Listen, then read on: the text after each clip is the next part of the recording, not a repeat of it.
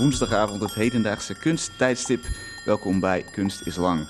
Ik ben Luc Hezen en elke week interview ik hier een kunstenaar. En aan het eind van het uur schuift er een project aan dat op Voor de Kunst staat. Het crowdfund-platform voor de creatieve sector. Vanavond is dat Anneke Himmen. Zij deed een fotografieproject waarin ze het schoonheidsideaal uit reclamefotografie onderzocht. Maar eerst praat ik met mijn hoofdgast Robert Zandvliet.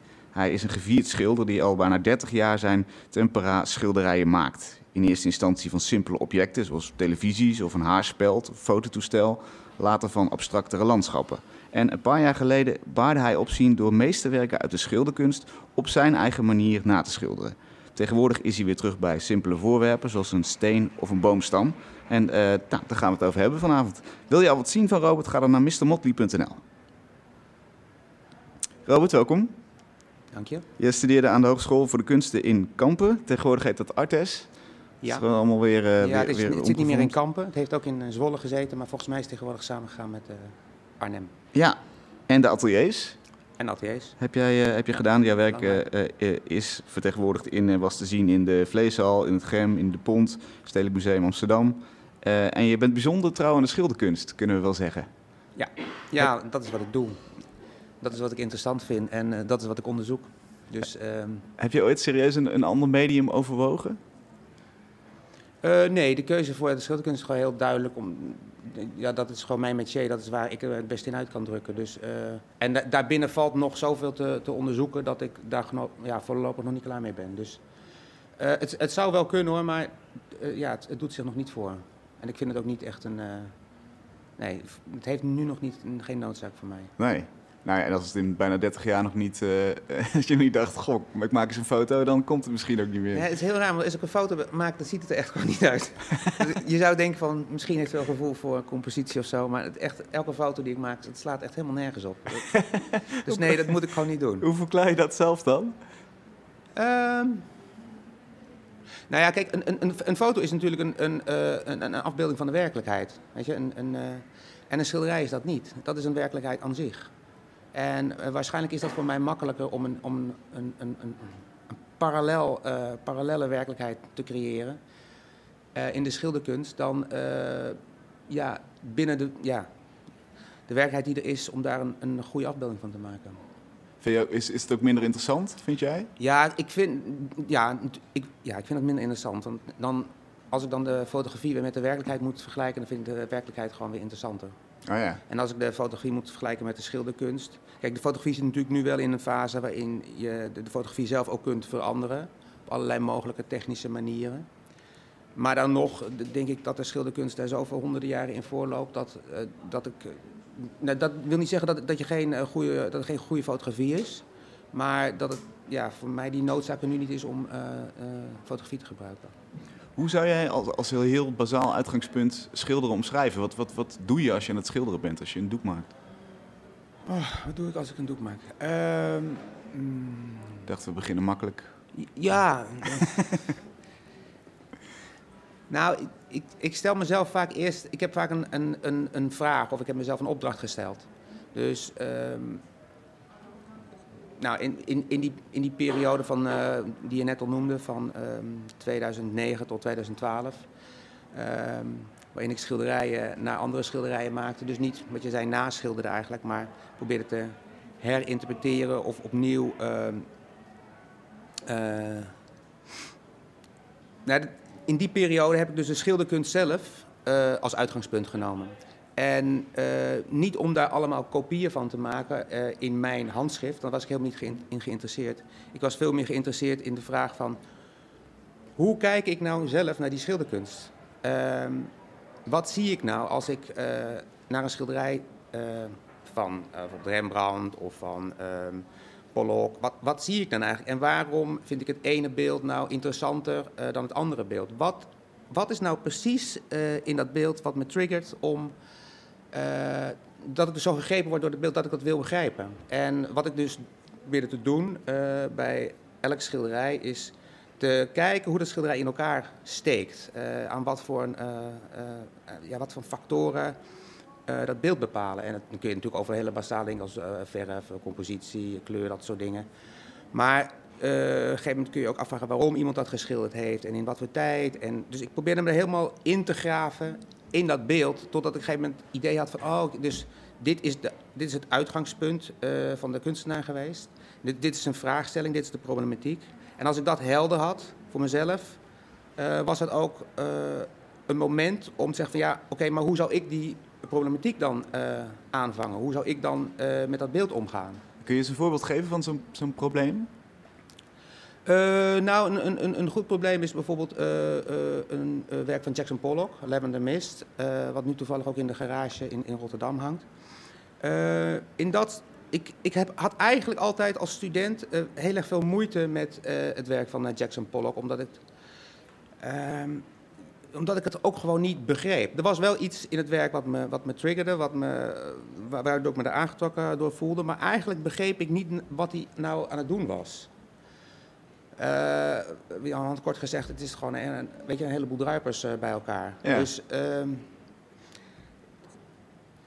eigenlijk uh, ging het heel erg in dat geval om, en dat duurde best lang voordat ik dat doorhad, dat het mijn relatie tot het schilderij zo was dat ik eigenlijk geen positie in kon nemen. Je kon er dus, niks mee? Nou, ik begreep het, ik begreep het niet, maar ik, ik, de afstand tot het werk, er bleef altijd een, een, een soort van uh, vervreemd iets van, ja, een soort van onzekerheid van dat ik het niet uh, kon vangen, niet kon begrijpen. Ah, oké. En dat was eigenlijk hetgene wat me toch in het werk ook aantrok. Uh, en uh, nou, ik dacht van ja, ik kan nu wel ook een soort van Jackson Pollock proberen te maken met druipers en zo, maar ik wist dat moet ik, dat is het enige wat ik echt niet moet doen. Dus... Want? Want ik kan me best voorstellen dat je, dat je zegt, nou laat ik het proberen te kopiëren en dan kom ik misschien achter gaandeweg hoe dat werkt. Ja, maar uh, als je dus dan, dan ga je uh, zijn probleemstelling op dezelfde manier, op zijn, zijn manier oplossen. En ik dacht, dat is niet de goede manier. Dus ik probeerde in die weerwar, in die kluwen van uh, druipers en draden en uh, ja, dat web van verf, probeerde ik een, een, een soort van compositie te ontdekken. En ik dacht op een gegeven moment van, nou, volgens mij moet ik dit schilderij eigenlijk best wel één op één overnemen. Dus ik heb ongeveer dezelfde maat genomen, uh, dezelfde kleurstelling. Het enige wat ik eigenlijk gedaan heb, is het beeld opnieuw geconstrueerd. Maar ik heb besloten dat alle spetters stippen waren. Dus die stippen maakte ik dan gewoon met, met een ronde kwast, die ik zo in één keer zo op het doek draaide. En uh, alle draden, die, die maakte ik door middel van een lange kwast, daar gewoon om die echt één keer zo uh, in lijnen zo, die draden te tamponeren eigenlijk. Waardoor ik eigenlijk geen druipers had. Um, wat ik gedaan heb, dat, ik heb dat werk eigenlijk in één momentum gemaakt. En het is niet zo dat ik elke stip precies, maar de globale het idee van dit is die compositie, dit ga ik overnemen. En dat was ook niet zo dat ik dat voor, voorbeeld er constant bij had, maar mm -hmm. ik heb gewoon heel lang naar gekeken. En uh, nou, op een gegeven moment had ik het idee van, oké, okay, dit is het. En, en, toen had ik eigenlijk van, ja, maar wat heb ik nou eigenlijk gemaakt? en toen ontdekte ik eigenlijk dat mijn houding ten opzichte van mijn eigen schilderij dezelfde was als de houding die ik had ten opzichte van het werk van uh, Jackson Pollock. Dus door, door dat opnieuw te construeren, dat ik eigenlijk uh,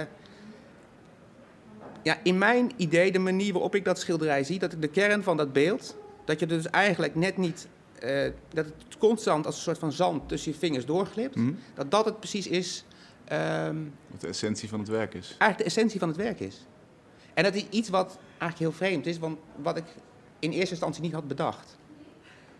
En is dat dan ook de les, dat, je, dat, je, dat er blijkbaar een soort essentie in een werk zit wat je um, ja, met het wonderlijke spel van, van, van compositie en kleur en, en, en, en techniek uh, om op kunt roepen? Is, is, is het, kun je het zo noemen? Nou ja, maar dat is, maar dat is gewoon mijn, mijn grote zoektocht en in, in de schilderkunst. Wat is nou het mysterie dat, dat een schilderij... Uh, wat het schilderij tot een goed schilderij maakt. En daarin uh, verschuiven mijn aandachtspunten. Mm -hmm. uh, ik heb een tijd, uh, toen ik die objecten uh, schilderde bijvoorbeeld, heb ik een tijd gedacht dat, dat, dat ik, was ik echt op zoek naar een soort archetype. Een archetype van dat specifieke object. Dus als ik dan een koptelefoon schilderde, dan schilderde ik, wat ik niet geschilderd heb, maar...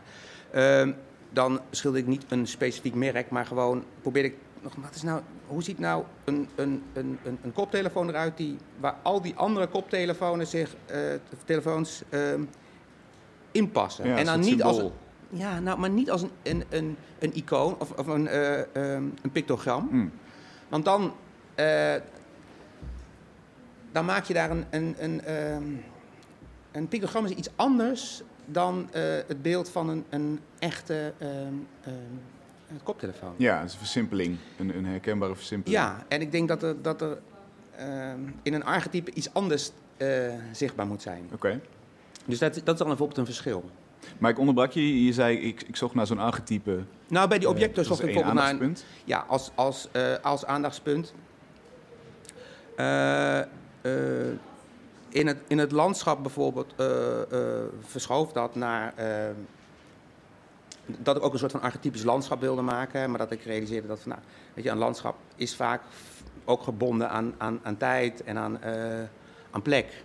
En om te kijken of ik dat op kon lossen. En nou, toen, toen ontstond er in, waar die objecten heel strak en streng werden die landschappen, ging, eh, ging de kwaststreek opeens een prominentere rol spelen.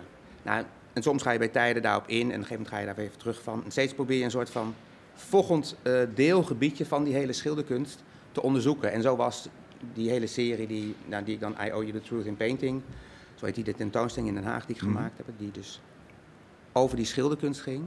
Dat is ook een deelgebiedje geweest.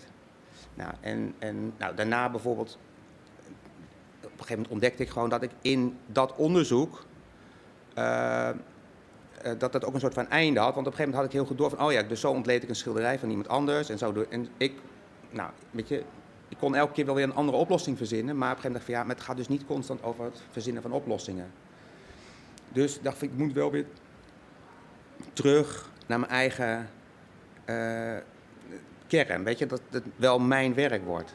Want uiteindelijk is dat wel het doel wat, wat erachter ligt. Want eh, je zou je natuurlijk je leven lang kunnen blijven schilderen met hoekjes van de schilderkunst verkennen. Ja, nee, daarom zeg ik dat heb ik het een tijd echt heel bewust gedaan. Omdat Ja. het een onderdeel van de hele schilderkunst was.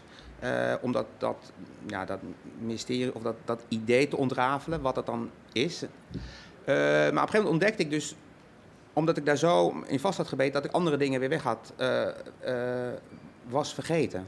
Zoals? Nou, ik was eigenlijk in, in dat hele. Eh, ik, had, ik had dus eigenlijk mijn horizon opengegooid, dus dat ik alles had toegelaten. Ik, ik had de schilderkunst kriskras eh, eh, bekeken, in allerlei periodes. Ehm, maar ik had mijn eigen identiteit eigenlijk ehm, ja, ja, verloren. Nou, toen heb ik bijvoorbeeld besloten, van, ik moet, moet een onderwerp hebben. Ik moet iets hebben wat heel eenvoudig is, wat Mhm. super simpel is, waardoor ik weer terug bij mezelf kan komen. En in, de, in die laatste, eh, in, in die serie van I Owe You The Truth, kwam er een soort eh, fascinatie voor, voor stenen. Want er zitten, eh, twee, drie werken in die zijn gebaseerd op, op stenen, schilderijen van stenen. Dat was een van George O'Keeffe, een van een Chinees, Cao Tang, en een van Per Kirkeby. Dat waren al drie totaal verschillende schilderijen. En verschillende soorten stenen, die het mensen uit een totaal andere cultuur en richting eh, tot zo'n werk waren gekomen. Maar ik dacht, dat is, dat is nou een mooi onderwerp om, om eh, ja, weer terug te komen bij mezelf. En, en speelt het dan zo, is dat dan zo omdat het onderwerp, dat zie je in een oogopslag en daar ben je klaar mee of zo? Dus dat, dat is geparkeerd? dat, dat, dat, dat van de het is een steen? Nee, dus, Oh, die. is nou, het daarom, dacht ik. eh, Nou, ik, ik dacht van, ik heb gewoon een onderwerp, dan, ik heb, weet je, dat is eh, handig, dan hoef ik daar verder niet over na te dan is denken. dat klaar. Ja. Maar, je zei dat denk ik, dus ik vermoed dat het... Nou ja, ik dacht, ik heb een goede keuze gemaakt. Het was ook uiteindelijk een hele goede keuze, maar het was wel... eh, ik, ik, gaandeweg ontdekte ik dat het zo'n beetje het moeilijkste is om te doen. Maar dat was ook goed, waardoor, daardoor kwam ik echt... eh, opeens ontdekte ik eh, eh, een, een, weer een ander stukje van die schilderkunst. Namelijk, En- wat, wat was er zo moeilijk aan die steen? Nou, het, het zat niet zozeer in die steen, want ik kan wel een steen schilderen. Maar ik ontdekte eigenlijk dat ik niet meer. Ik wilde eigenlijk niet meer die, de, de, de, de, de, de representatie schilderen. Weet je, ik wilde eigenlijk niet de steen schilderen als van, kijk, ik heb een mooie steen geschilderd. Want in het begin was het natuurlijk verleidelijk om een hele mooie steen of een diamant of weet je, Mhm. of een hele hoekige. Of... Maar eigenlijk dacht ik van, ja, maar dat is niet die steen.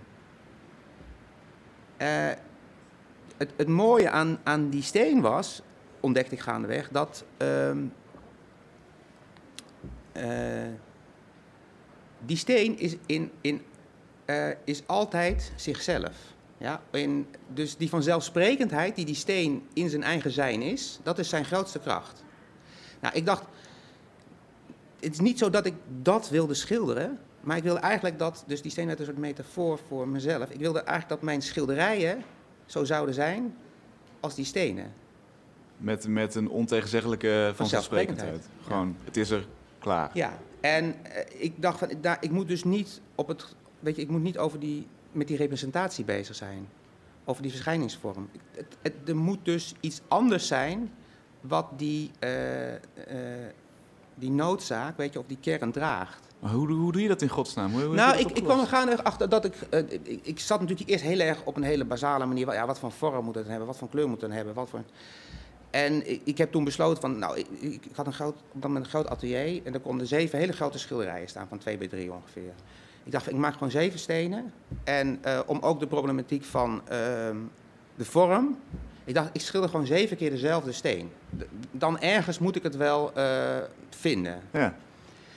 Nou, nou, op een gegeven moment een beetje zoeken en op een gegeven moment ontstond er een soort van steen. Maar eigenlijk was het een hele mooie, ronde, gepolijste steen. En daar, daar ben ik echt, he- heb ik me heel lang aan, enkele maanden, die stenen geschilderd en gepolijst en geschilderd. En, maar dat, dat was het niet.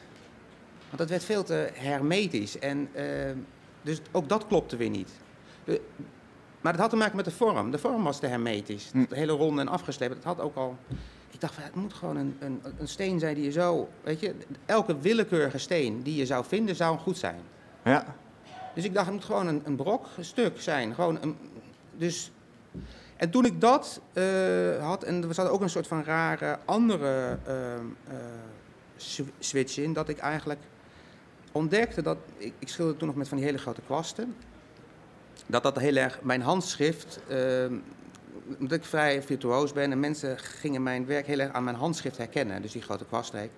En ik dacht, dat is gewoon... dat- Ik moet daarmee stoppen. Dat zit in de weg. Dat zit in de weg. Dat is een soort van eh, eh, vorm die, ehm, ehm, dus, ah, die, die representeert mijn ehm, identiteit voor mensen. Maar eigenlijk zit dat, die kern in de weg. Dus ik dacht van, daar moet ik gewoon mee stoppen. Dus ik, ik dacht van, weet je, ik neem gewoon een roller. En dat, die twee dingen samen, dus die verandering van die steen en die roller, dat, op een gegeven moment kwam het in elkaar te liggen. En toen kon ik opeens die schilderijen maken. Nou, een heel lang verhaal, maar het ging om dat in ieder geval in die periode weer iets anders heb onderzocht. En dus eigenlijk erachter kwam dat, dat de kwaliteit van een schilderij hem zit in de energie. En niet zozeer in de energie waarmee je het, niet in de expressionistische energie, in de energie waarmee je het maakt, Mhm. maar eh, de energie waarmee jij je verbindt, eh, of ik me verbind met, met het onderwerp. En ik denk dat dat de manier waarop je je bewust bent van wat je doet en hoe je schildert en eh, wat je schildert, dat, nou, laat, volgens mij is dat, laten we het even bewustzijnsenergie noemen. Dat je, de energie dat je bewust bent van wat je doet, dat uiteindelijk die energie is die andere mensen zien. Dus dan maakt het niet meer uit wat voor kleur het is of wat voor vorm. Of, het gaat alleen over dat bewustzijn. Eh, he- heb jij, zijn er mensen die. ehm, want ik, ik kan je volgen, rationeel gezien, maar ik, ik vraag me wel af of ik hetzelfde zou voelen als ik voor een schilderij sta. Nou, ik heb, ik, een ontdekte ik een hele, eh, eh, eh, ontdekte ik in mijn atelier dat als ik, er komen af en toe mensen langs, weet je, en ik ben constant wel aan het schilderen en er is altijd wel een schilderij waar ik als laatste aan gewerkt heb. Mhm. Op een gegeven moment deed ik de rare ontdekking dat het eigenlijk niet uitmaakte wie er in mijn atelier was. Dat mensen altijd, het laat, altijd oog hebben voor het laatste schilderij waar ik aan gewerkt heb. Alsof daar die energie nog een soort van natrilt. Ja, ja. Bij sommige, bij goede werken blijft die energie erin zitten. Bij werken die net wat minder zijn, lost die energie ook weer op. En na een jaar zullen dezelfde mensen dat ene schilderijtje niet meer zien en zelfs niet meer herkennen. He- Heel wonderlijke ontdekking lijkt me dat. Ja, dus toen ik dat ontdekte, ging ik heel anders naar schilderijen kijken. Maar hoe, hoe, hoe verklaar je dan dat dat, dat, dat, dat goed werk overleeft, zeg maar? Wat, wat, wat... Nou, dat, een, een goed werk. ehm, eh, in, in mijn idee zit, eh, is hij dus geladen met die energie. En kan het dan ook zo zijn dat, dat als jij een slecht jaar hebt, dat er nooit een goed schilderij uit, jou, uit je kan, handen komt? Dat kan heel goed. Terwijl jij goed kan schilderen. Ja, maar het gaat dus helemaal niet over of je goed kan schilderen. Precies. Want er zijn dus mensen die heel horkerig en hoekig en eigenlijk niet, weet je, maar die de meest fantastische dingen maken. Dus omdat die precies die energie erin zit. Dus goed schilderen is, is eh, iets in de schilderkunst iets goed kunnen is best lastig, omdat het eigenlijk in plaats van dat dat iets laat zien, vaak eerder iets verhult. Ja, ik snap wat je bedoelt. Ehm, tenzij het je te doen is om het laten zien dat je, dat je goed schildert. Is dat dan nog kunst, vind jij? Of gaat kunst voor jou over dat Oh, echt... Als het over realisme gaat, Ja, nou, dan zou ik in, in, ja, in dat geval zou ik zeggen van maak een foto.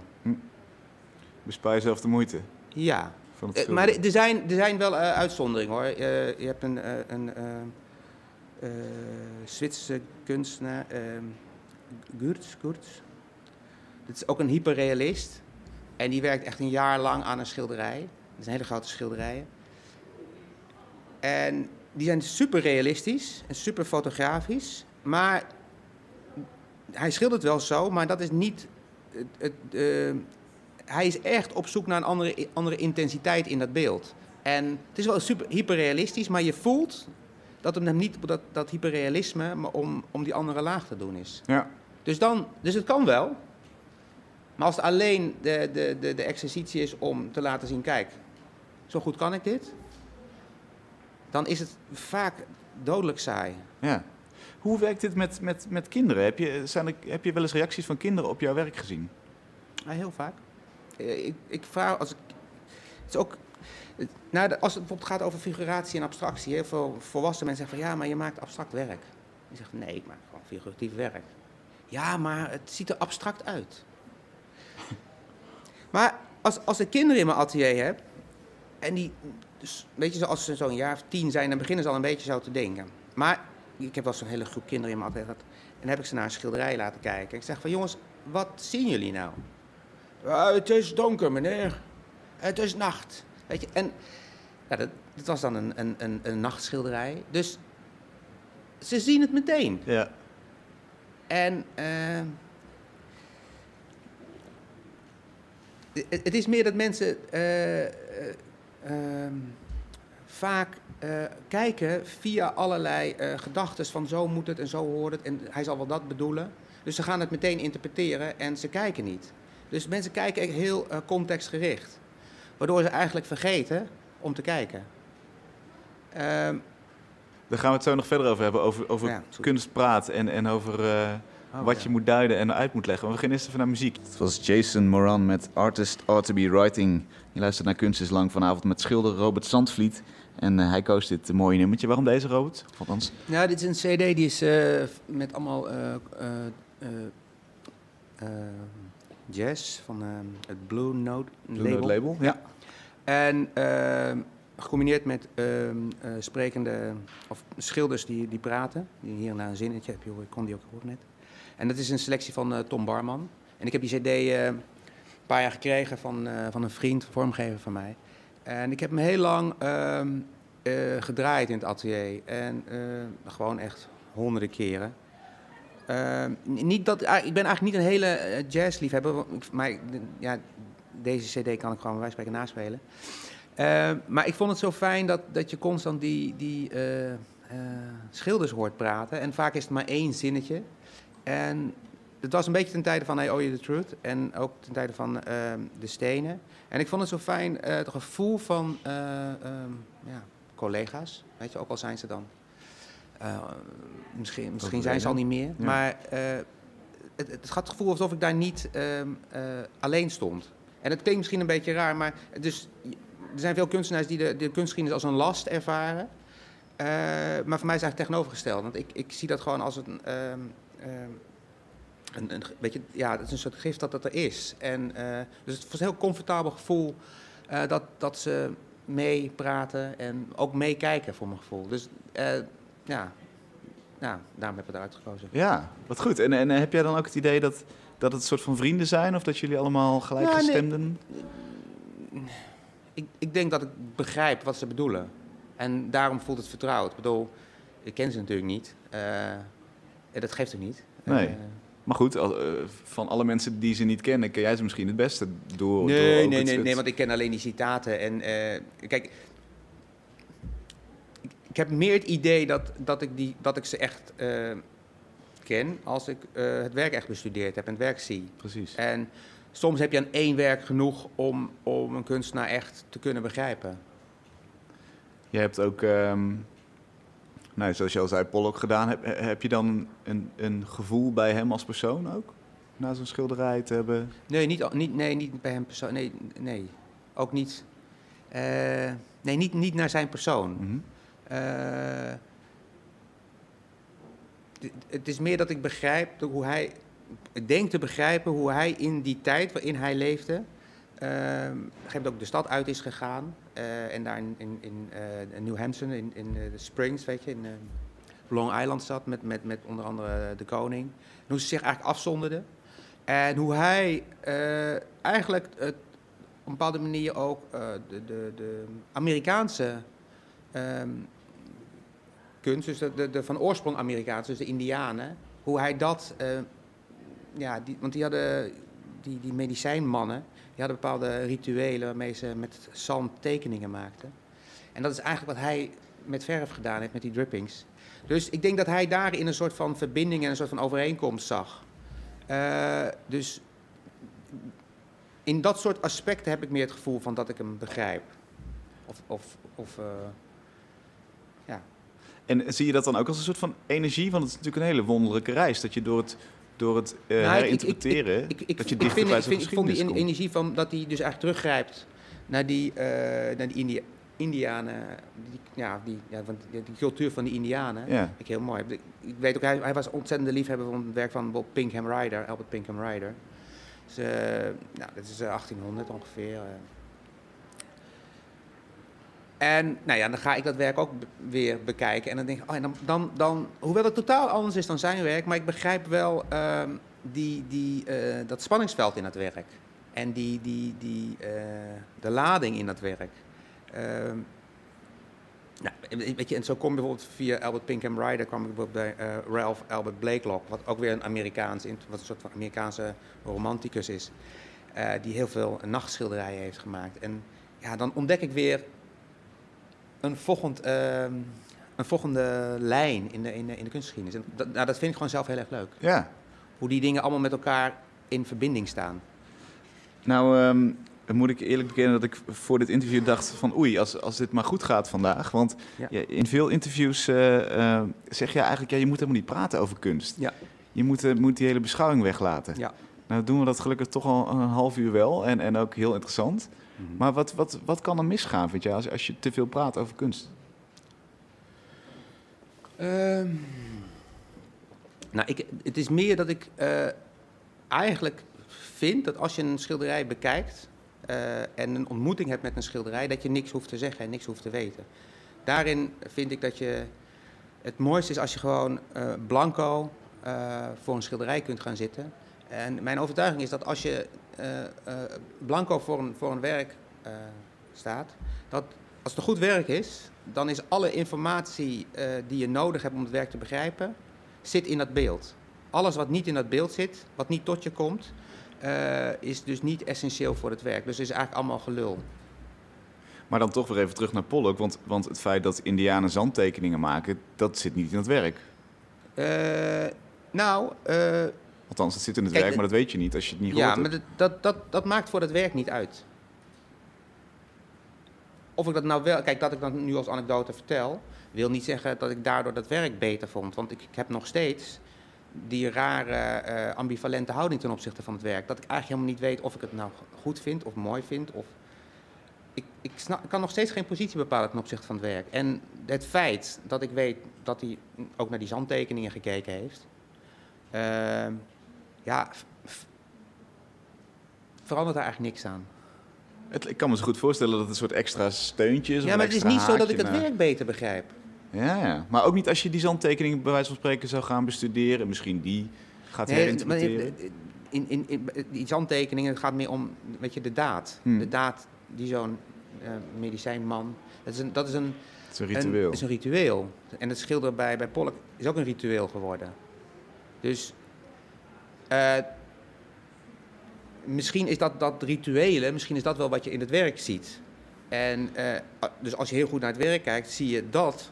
En dan kun je op die manier een stap terug maken, de tijd in, ehm, naar waar hij het misschien vandaan heeft. Maar dat hoef je niet te weten eh, als je het schilderij zelf ziet. Denk je ook dan in, in het verlengde daarvan dat we bij wijze van spreken theorie op, op academisch moeten afschaffen of, of, of kunstonderwijs? Is dat te, te theoretisch? Hè? Is dat gelul? Eh, nee, nee. Het, eh, het, het is zo. Nee, het is. ehm, nou, misschien zou dat, maar dat, dat, dat. dat soort onderwijs op een andere manier kunnen. Kijk, je kunt natuurlijk kunstgeschiedenis studeren. Dat is één ding, weet je. Dan kun je leren van alle hokjes en vakjes. En naar welke eigenschappen je moet kijken om het in een bepaald hokje te plaatsen. Mhm. Maar eh, kijk, voor een beeldend kunstenaar is het veel belangrijker dat hij leert kijken. Zoals hij naar de werkelijkheid leert kijken, eh, dat hij ook leert kijken naar andere kunst. Eh, want, nou wat ik eigenlijk net al zei, als je heel goed naar een werk kijkt, als je dat echt, en het is helemaal niet zo ingewikkeld als heel veel mensen denken. Je moet gewoon, je kijkt gewoon en je probeert te beschrijven wat zie ik nou. Zonder te denken van, oh, het lijkt daarop. Of, hey, weet je, het is dit of het is dat. Gewoon heel sec beschrijven, wat zie ik nou. En als je dat doet, dan zit je bijna altijd op het goede spoor. En dan kun je dus al die informatie over expressionisme of impressionisme, pointillisme of, weet je, postmodernisme. Dat, al, als het goed is, kun je dat allemaal teruglezen. Maar wat nou als, jij, als dat jouw handvatten zijn, als dat, als dat jouw denkhandvatten zijn? Om, om er iets mee te kunnen, ja. Ja, maar dat, als, je, als die kennis, als je die vooraf neemt en dan gaat kijken, dan kijk je dus niet meer, maar dan kijk je om die kennis bevestigd te zien. Dan kun je Dus die bril van kennis niet meer afzetten. zit dan in je hoofd. Mhm. En het enige wat je doet is dan eh, probeer je te- in te vullen of het plaatje klopt bij de context. Terwijl het onbevangen zou moeten zijn. En, nou ja, als je dat dan- dus doet, dan, dan plaats je dat dus weer in het hokje. En dan ervaar je het werk dus niet. Dan ben je alleen bezig om dat werk in te scannen, om het eh, in het juiste hok te zetten.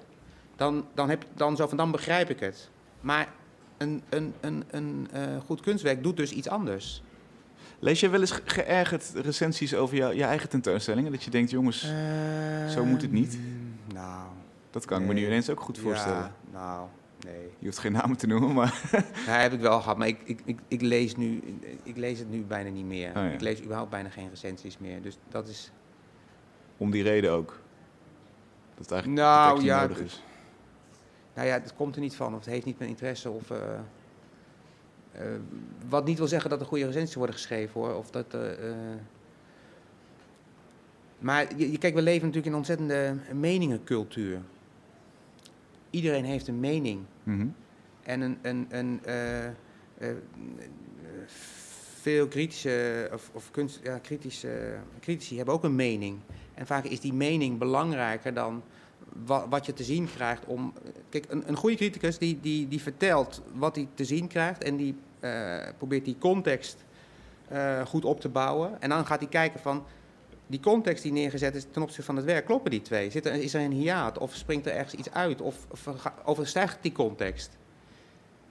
En dan doet zijn mening doet er helemaal niet toe. Ja, dus, dus inderdaad... Maar, de- de- maar dat is, Het is het geen is, niet helemaal, die, die, die critici niet helemaal aan te rekenen hoor. Want wat ik zeg, we leven gewoon in een meninkjescultuur. I- en iedereen eh, vindt wat. En iedereen mag ook wat vinden hoor, voor mij. Daar gaat het niet om. Maar dat, dat is niet per definitie, eh, eh, het werkt niet per definitie verdiepend. Jij, jij zei in eh, die documentaire na de waarneming, die, die een paar jaar geleden geloof ik over je gemaakt is, hele mooie documentaire. Ehm, er is een soort noodzaak om te schilderen en dat, dat, dat is gedreven door het idee dat je dan grip krijgt op de wereld. Hoe, hoe, hoe werkt dat voor jou? Kun je dus bijvoorbeeld een voorbeeld geven aan iets van wat je, wat je nu aan het schilderen bent, waar je nu mee bezig bent? Ehm, nou, het, het, is, het is eigenlijk om dingen te begrijpen.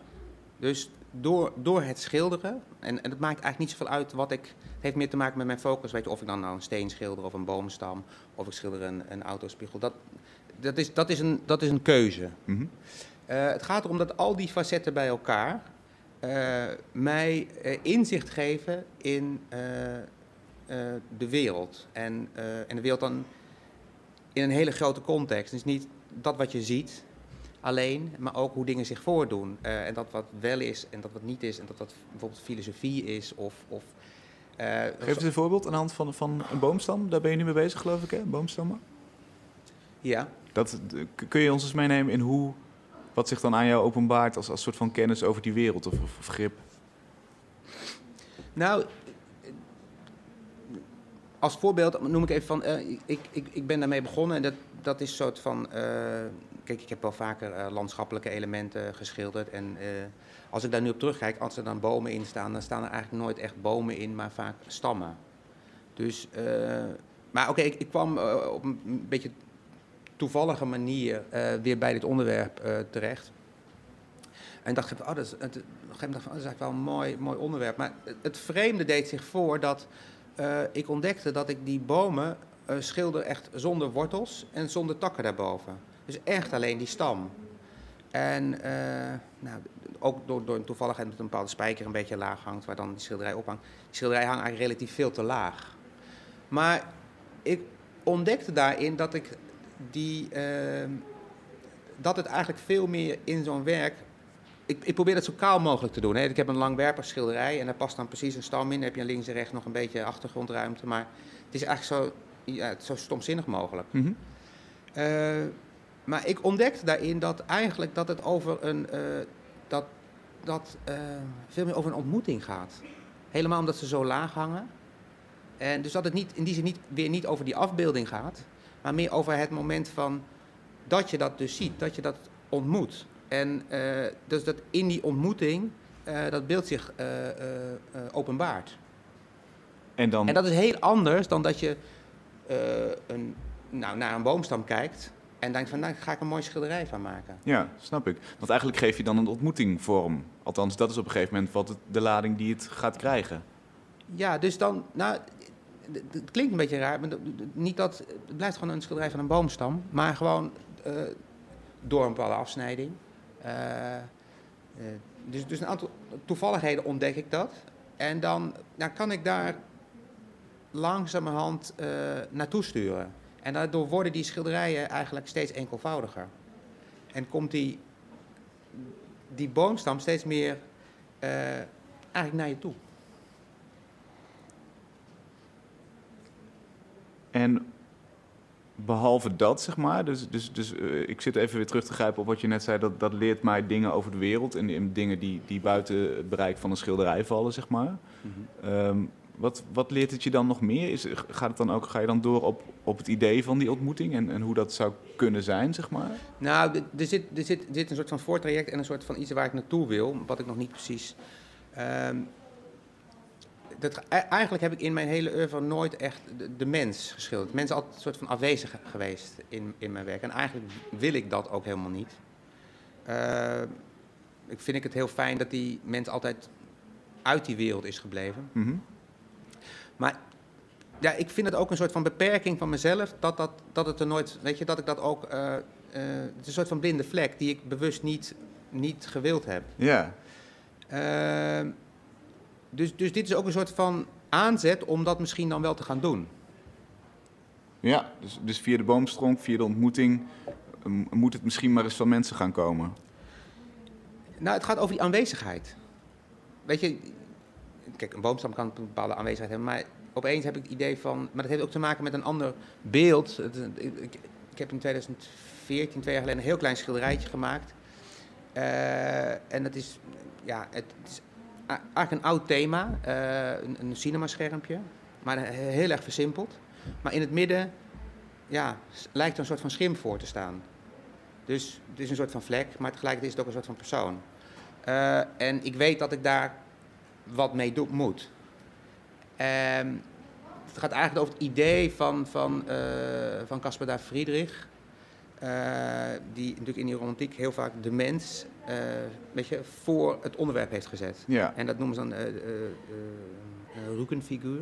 Dus in, in een, in een overweldigende natuur. Ja, overweldigende natuur. En omdat dat, omdat, dat, ja, om te, te, laten zien dat de mens daarin ja, niks is eigenlijk. Of, of gaat natuurlijk heel erg over de, over de relatie tussen die mens en die natuur plaatst hij juist iemand in het centrum van het beeld die je vanaf de rug ziet. Waardoor je eigenlijk, je wordt eigenlijk die toeschouwer. Mm -hmm. En dat noemen ze een, een Rukenfiguur, dus het figuur vanaf de rug. Nou, en die, dat idee wil ik, wil ik graag uh, kijken of ik daar iets mee kan doen. En uh, in die bomen, die aanwezigheid van die bomen, vind ik, uh, maar ook omdat die zo, van, zo door dat beeld heen snijden, weet je, zo van, en zijn zo ja. Onoverkomelijk. Ze, ze ja, is heel direct. En ik denk dat ik daar dus, dat daar ergens die oplossing ook zit voor dat, voor dat andere schilderij. Wat ik wil gaan maken. Maar hoe zou je dat aanpakken? Hoe, hoe zou jij een, een, mens schilderen? Wat je dus, ja, eigenlijk nog niet gedaan hebt. hoe begin je? Ja, nee, ja, nou, op deze manier. maar ik weet nog niet hoe het. Hoe het ja, ik, ik, weet het niet. Ik, ik stel het ook steeds uit. Waarom eigenlijk? Ja, omdat ik het niet wil. Waarom niet? Nou, ja, ik, ik heb een hekel aan dat soort schilderijen. Maar ik vind wel dat ik het moet doen. Wat is er nou mis met een mens op een schilderij? Nee, er is niks mis mee. Als anderen doen, vind ik het prima, maar ik wil het niet doen. maar het is een soort van weerstand van mezelf daartegen, waarvan ik denk van ja, joh, op een gegeven moment moet je wel, dat is een tekortkoming, dat moet je ook, dat moet je gewoon doen. Maar dus die stap moet ik, moet ik gewoon maken. Ik snap nog steeds niet, waarom niet? Wat, wat, wat, wat is de weerstand? Nou, ik vind het gewoon vreselijk. ik wil het gewoon niet. maar gewoon is natuurlijk geen. Je hebt vast een idee over waarom je dat niet wil. Nou, ik, nou, ik weet het niet precies, maar die. die, die, die uh, Oké, dat parallele universum, die, die, die wereld, weet je, die ik. Uh, die was zo mooi vrij van dat altijd, weet je? Die, het mag niet aards worden. Nou, nee, het mag wel aards worden. Ik vond juist die afwezigheid. De afwezigheid van die mens, dat, dat vond ik mooi. Maar je, je gaat er toch een keer aan geloven. Ik merk aan alles dat je, dat je hem gaat maken. Nou ja, ik, ga, ik moet het proberen. Kom dan terug om erover te vertellen. Nou ja, dat weet ik nog niet hoor. Alsjeblieft. Voor, voor, het vaste, vreselijk. Sterkte ermee. Dankjewel, Dankjewel. Robert Sansvliet. Je luistert naar Kunst is Lang, het wekelijkse interviewprogramma over hedendaagse beeldende kunst. Dat doen we altijd in samenwerking met online tijdschrift Mr. Modley en met Voor de Kunst, de crowdfund site voor de creatieve sector. Elke week bespreken we hier een project dat de crowdfunden valt.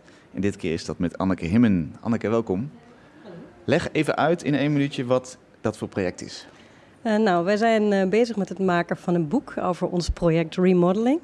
En dit uh, project is gebaseerd op deconstrueren van modeadvertenties en reconstrueren van nieuwe foto's. En gebaseerd op perceptie en waarneming eigenlijk, ja.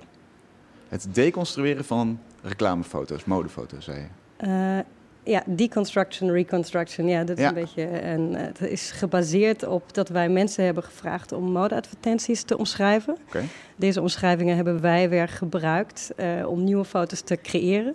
Zonder dat wij het origineel ooit hebben gezien. Dus uh, we hebben alleen de woorden gebruikt als basis voor onze, als briefing eigenlijk voor onze foto's.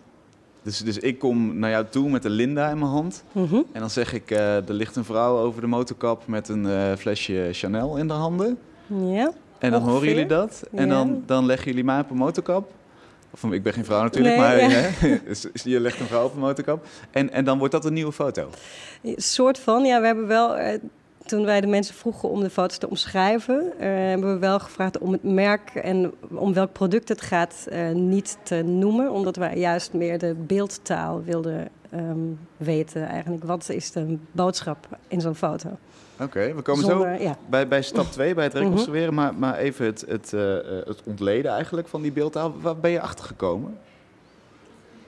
Nou, het ging ons echt heel erg ook over de, um, eigenlijk de, de, het vocabulaire wat erin zit. Uh, welke woorden komen vaak voor? Of uh, ja, hoe nemen mensen eigenlijk de mensen op die advertenties waar. En dus daarom wilden we juist niet de merken of de producten weten, maar juist eigenlijk praten over lichaamstaal of over ja, de houdingen van de mensen. geef eens een voorbeeld. Welke woorden kwam, vaak, kwam je vaak tegen in die omschrijving? Nou, het was uiteindelijk toch verschillend. er waren ook mensen die gingen heel erg steekpuntachtig omschrijven.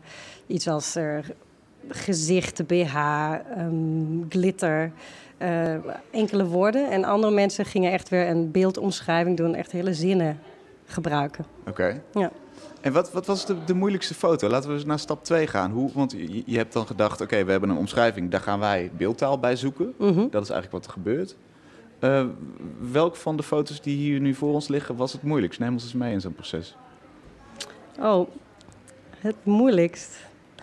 Nou ja, waar wij vooral tegenaan liepen was uh, dat we, ja, het is uh, een samenwerking van een Japanse art director en ik ben Duitse fotograaf. En we hebben dus er heel erg verschillende smaak ook. Dus we gingen ons heel ook vaak afvragen wat, ja, wat bedoelt iemand met een mooie vrouw. Dus er was eigenlijk de voorbereiding was er ingewikkeld om echt na te denken wat willen we eigenlijk verbeelden. Ah, En uh, wat, ja, dus dat interpreteren van de woorden was juist ingewikkeld. Ja, ja, ja. ja. Snap ik. Laten we eens eentje, eentje nemen. Kies er even één uit. Um, ja, bijvoorbeeld deze vind ik dan heel grappig. Dat is, uh, daar hebben we best wel lang over nagedacht. Want hier stond iets van bleek, wit, anti-fashion. Um, wat stond er nog? Bleek, wit, anti-fashion. Ik ja, omschrijf dat... ondertussen even wat we zien. We zien ja. een man van middelbare leeftijd met een snor, een aanzienlijke buik en uh, uh, een, een, een, rode bril. Ja, en toen... Uh, voor een, ja, wat is het, een soort glazen pui? Ja, voor een ruit. Of, ja, mat glas. Op een, op een stoep. Ja. Stoeptegelstoep. Ja, stoep. zoiets, ja. Dat kan kort. Ja, maar dat was heel, juist heel grappig ook weer om daar naar te zoeken. Naar wat bedoelt iemand met anti-fashion? Dus we gingen ook heel erg de definitie proberen te vinden van anti-fashion. En wat is, ja, als je iemand zelf fotografeert, hoe, hoe ziet dat eruit, anti-fashion? Dus juist de manier van techniek uh, um, ook weer onderzoeken. En wat je misschien ook ziet hier, um, ja, er liggen verschillende foto's dat, uh, dat het eigenlijk ook zou kunnen zijn dat heel veel verschillende fotografen dit hebben gedaan, omdat er, de stijlen van fotografie verschillend zijn. Ja.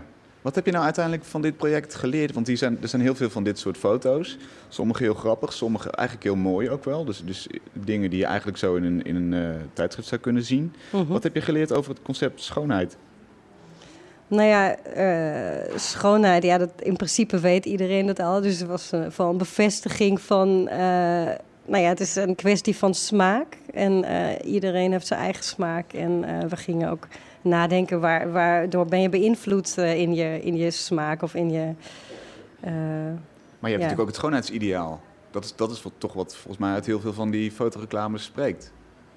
Toch? De, de, de, de slanke vrouw. Ja, de opgelegde schoonheid. Ja. Daardoor zijn we zeker allemaal beïnvloed. Maar en, die, die, die, zie ik hier niet terug. Zie je niet terug. Toch? Dus daar, daar, zit, daar is iets gebeurd. Nee, dat klopt. Dus wat, wat dit dus juist ook is, is eigenlijk een, uh, een spiegel van wat onze smaak is en wat ons gevoel voor schoonheid is, juist. Ja, precies. Het is, het, eigenlijk zijn het persoonlijkere portretten geworden dan. Klopt. Uh, ja, en het is vooral ook ieder. Uh, ja, vooral omdat wij ook niet met modellen hebben gewerkt. Dat we de. Ja, we noemen het dan echte schoonheid, maar we willen ook niet met zo'n verheven vinger. Want er is natuurlijk ook een zekere fascinatie voor modefotografie en voor het opgelegde schoonheidsideaal. Dat is ja. natuurlijk ook.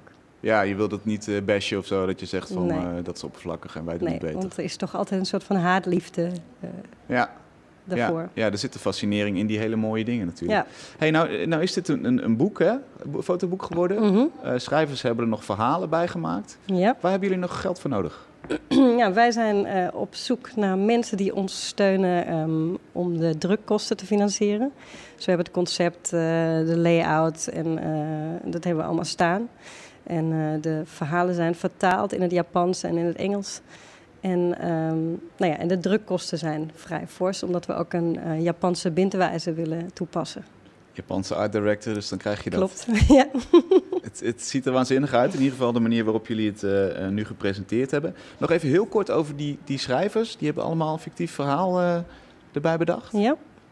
Ja, we hebben dus, omdat wij dat spel van interpreteren en weer ja, wat dan eigenlijk in je opkomt, in, uh, wat voor beelden in je opkomen. Dat spel vonden we heel mooi. Ja. En uh, natuurlijk als iemand anders de woorden had gekregen, dan hadden de foto's ook weer heel anders uitgezien. En je maakt altijd eigen verhalen op en iedereen refereert naar zijn eigen ja, ervaringen. En dus de zes schrijvers die we hebben gekozen, ja, die hebben allemaal een heel ander, heel, heel andere verhaal geschreven. Super, het wordt een heel mooi boek. Ja, Dankjewel, leuk. Anneke. Tot zover Kunst is Lang voor deze week. Volgende week zit hier Puk Verkade.